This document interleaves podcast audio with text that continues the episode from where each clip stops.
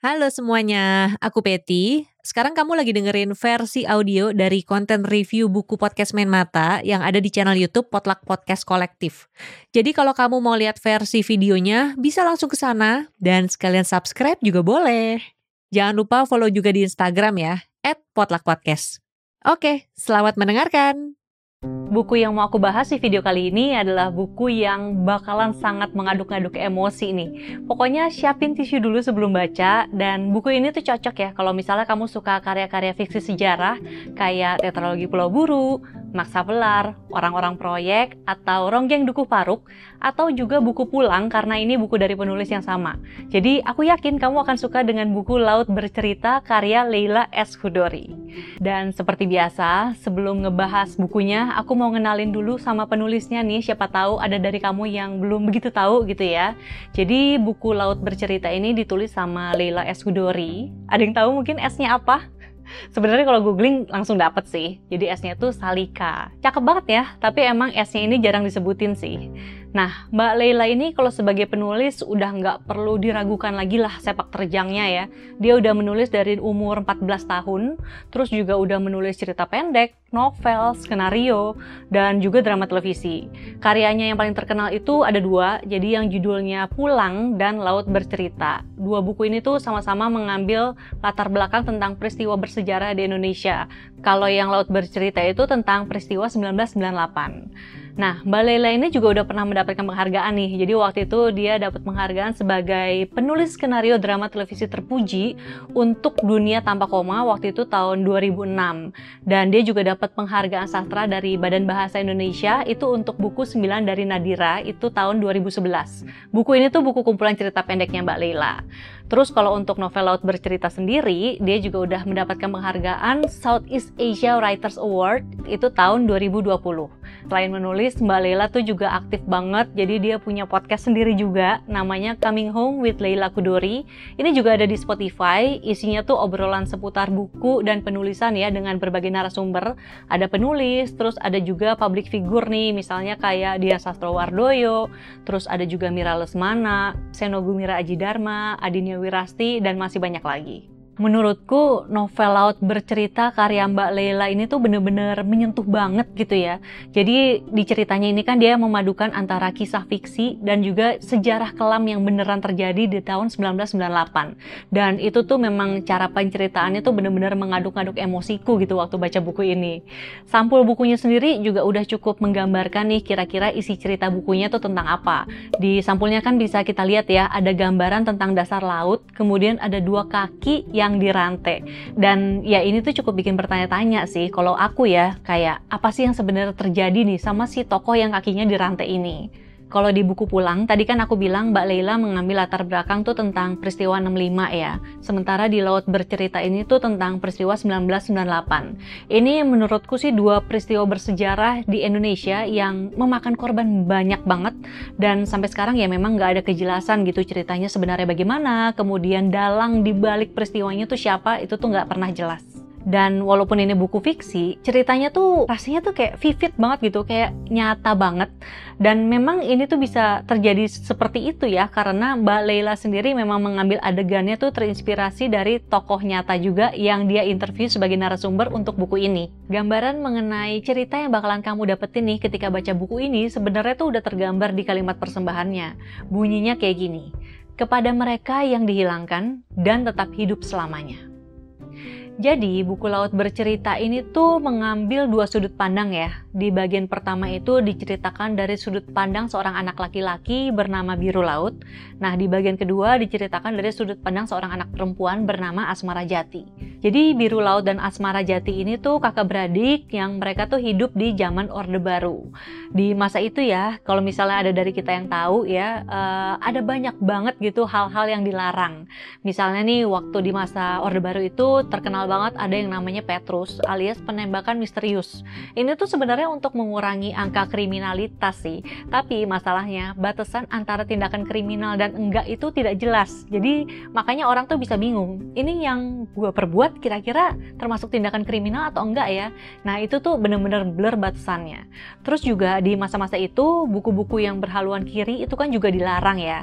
Dan masih banyak lah larangan-larangan yang lain. Nah, di bagian pertama ini ceritanya tentang Biru Laut. Jadi Biru Laut ini tuh seorang mahasiswa dan juga aktivis yang memang dia tuh aktif berkegiatan. Kemudian bagian pertama tuh diawali dengan latar belakang tuh di Jogja tahun 1991. Di mana waktu masa itu tuh ada beberapa mahasiswa termasuk Biru Laut sendiri, mereka tuh punya kecintaan akan dunia sastra. Dan salah satunya ya mereka tuh juga suka membaca buku-bukunya Pramudia Anantatur yang waktu masa itu tuh dilarang. Kemudian si biru laut ini ketemu dengan seorang mahasiswi bernama Kinan.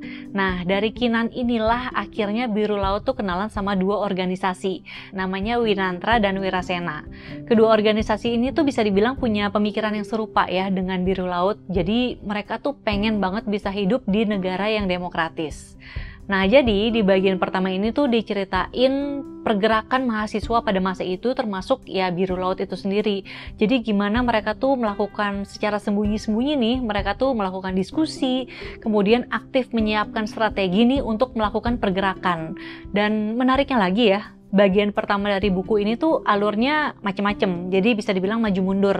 Di satu bab tuh misalnya bagiannya ada yang berlatar di Yogyakarta tahun 1991. Kemudian di bab berikutnya bisa pindah ke di sebuah tempat di dalam gelap tahun 1998. Jadi ceritanya tuh memang terkesan misterius ya karena kita tuh harus jeli memperhatikan gitu latarnya. Kemudian apa sih yang dihadapi oleh mahasiswa-mahasiswa di dalam buku ini khususnya biru laut ya. Cuman alur maju mundur ini menurut menurutku sih nggak akan bikin bingung karena ceritanya tuh tetap menarik banget dan ya malah akan bikin kamu terus bertanya-tanya nih apa yang sebenarnya terjadi dengan tokoh biru laut dan teman-temannya.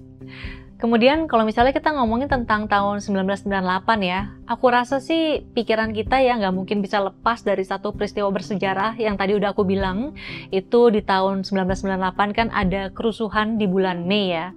Singkatnya sih, jadi waktu tahun 1998 atau dari sebelumnya sih di tahun 1997 itu kan sudah terjadi krisis finansial yang cukup parah ya di Asia, termasuk di Indonesia juga gitu. Akibatnya tuh di Indonesia sendiri ada banyak perusahaan yang gulung tikar, kemudian ya akhirnya angka pengangguran pun meningkat. Nah, karena itulah akhirnya ada banyak orang nih yang melakukan unjuk rasa nih ke pemerintah, termasuk para mahasiswa. Terus juga akibatnya lagi waktu unjuk unjuk rasa itu tuh ternyata ada empat mahasiswa yang tertembak oleh aparat.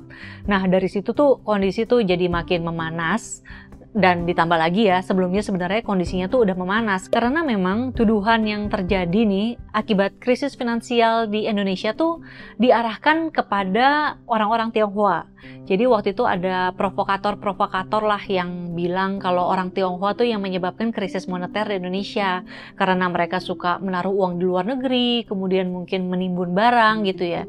Jadi akhirnya ada kebencian rasial dan akhirnya setelah mahasiswa dari Universitas Trisakti itu tertembak, kemudian kondisi memanas, kerusuhan terjadi dan kerusuhannya jadi kerusuhan etnis. Nah, kalau di novel bercerita, para mahasiswa yang ada di dalam buku ini, mereka tuh juga termasuk dari para aktivis yang menentang pemerintah di masa itu. Jadi ada beberapa bagian dalam buku ini yang menunjukkan gimana Biru Laut dan teman-temannya tuh suka mengadakan diskusi secara sembunyi-sembunyi. Nah, sampai sini aja menurutku tuh ceritanya udah seru banget ya di Goodreads sendiri nih, buku Laut Bercerita ini tuh dapat rating 4,63 dari 5 bintang dan itu yang ngasih rating tuh udah 7 ribuan orang lebih.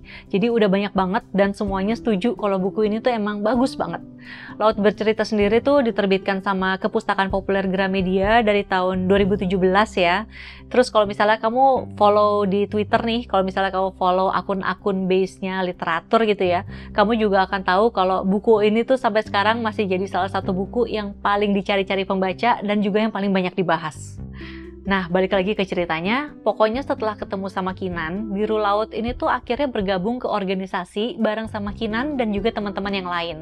Dan di situ tuh mereka tuh aktif melakukan diskusi dan kegiatan gitu ya untuk menentang pemerintah di masa itu.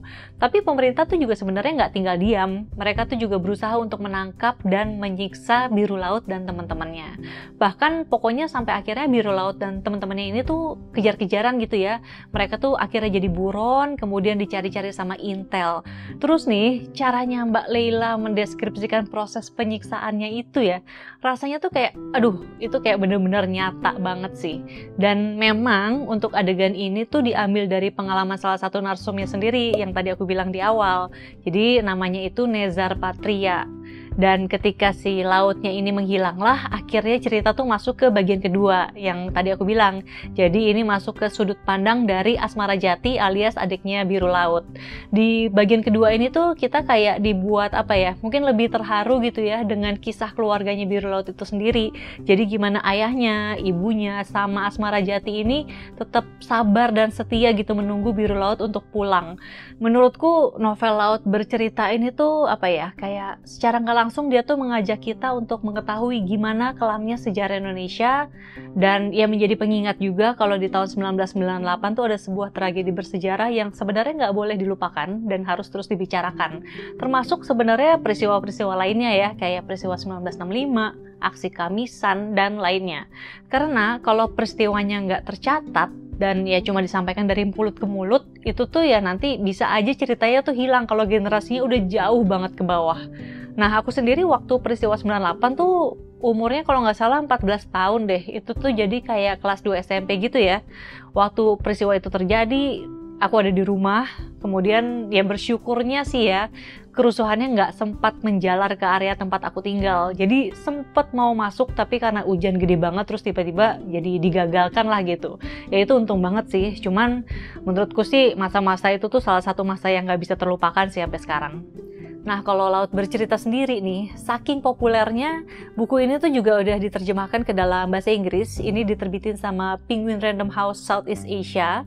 Terus juga udah dibuatin film, film pendek lebih tepatnya, durasinya tuh 30 menit. Jadi menurutku, kalau kamu belum baca novel Laut bercerita, menurutku sih wajib banget baca cari aja kamu bisa beli bukunya ada di official store Gramedia di marketplace atau cari aja di toko-toko buku favorit kamu baik online maupun offline dan jangan lupa belinya yang original ya jangan bajakan Oke, sekian dulu video kali ini. Terima kasih sudah menonton. Kalau misalnya kamu suka, boleh di like. Kalau tidak suka, di dislike juga tidak apa-apa. Tapi kalau kamu merasa videonya bermanfaat, share video ini ke media sosial biar teman-teman kamu yang membutuhkan juga bisa menonton. Terus jangan lupa subscribe channel YouTube Potluck Podcast Kolektif tekan tombol lonceng notifikasi biar kamu gak ketinggalan kalau ada video terbaru. Dan terakhir, jangan lupa follow Potluck Podcast di Instagram at. Segitu dulu, sampai jumpa lagi. Dadah!